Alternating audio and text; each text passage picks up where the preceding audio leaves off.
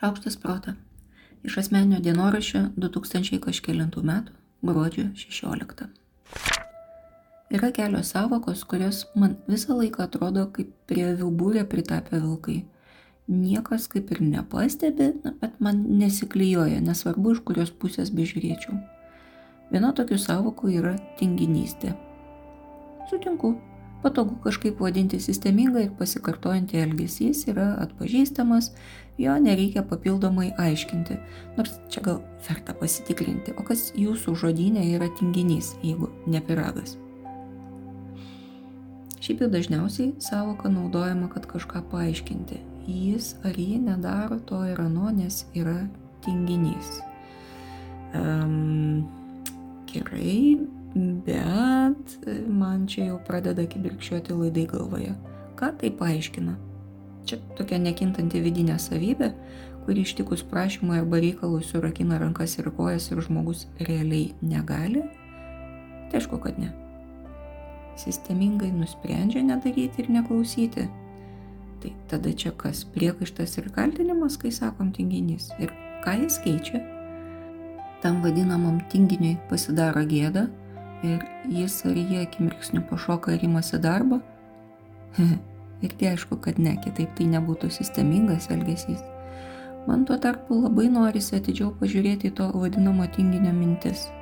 Kažkas prašo, aš sakau tingiu ir stebuklingai nebereikia daryti nieko, tik išklausyti priekaištą. Tai kas lengviau klausyti ar daryti? Ypač kai klausyti visai neblogai galima įprasti ir kažkaip net nebegirdėti. Tikroji būtinė magija.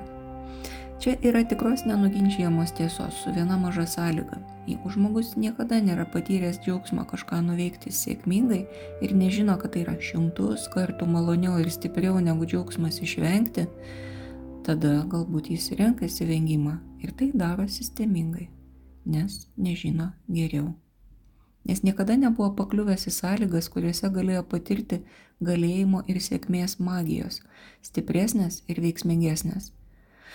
Atsiranda lyg ir liūdėsio gaida, kad kažkam va taip va ima ir nepasiseka gyvenime, net atsitiktinai. Ir lieka žmogus neparagavęs tikrojo dopamino skonio, tik geriausiu atveju pakvepavęs dopamino garais. O kai nesustoji pagalvoti apie tai lėčiau, atrodo, kad tinginystė yra kažkokia sąmoninga ir piktybiška įda. Maža to, gali pulti į aukos poziciją ir pats save imti kaltinti, kad aš tinginys, jeigu jau kiti taip sistemingai sako, negaligi visi klysti. Bet gal gali, jeigu ta žodis yra vilkas tarp avių. Galvoju, ką galvodavo mano dar popa dukra, kai prašydavau kažko, nebepamenu ko, jis sakydavo, aš tingiu. Tada niekaip nesuprasdavau, iš kur jį tokia maža žino šitą žodį bet kartu matydavau, kaip ji laukia tos magijos, ji pasakys tingiu ir aš ją paliksiu ramybėje. Gal ir su savim taip mintys kalbam, sakom, eik ir nuveik šitą ar aną. Tada patys savo sakom, ai tingiu. Ir tai suveikia kaip leidimas, kaip priežastis, kaip paaiškinimas. Aišku, kad renkamės lengvesnį išeitį, bet gal atrodo, kad negražu savo sakyti, ne, dabar geriau renkuosi dar pagulėti o tingiu jau skamba lyg ir ne visai mūsų sprendimas, todėl lyg ir mažiau atsakomybės. Kažkaip norėtųsi tikėti, kad savo pasakius neturiu jėgų, nenoriu, nematau prasmės, būtų tikslesnis priežasties ir pasiekmės ryšys negu per beveidį tingiu, o ir savigraužai galimybių mažiau. Nežinau, ar aš čia visai neįkertu tinginystės reiškinio.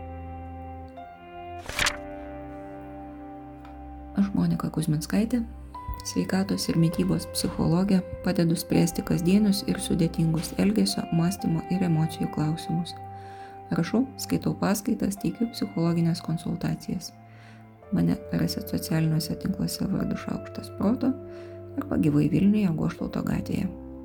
Rašykit man asmenę žinutę socialiniuose tinkluose arba elektroniniu paštu adresu šaukštas.proto atgmail.com taikos ir ramybės.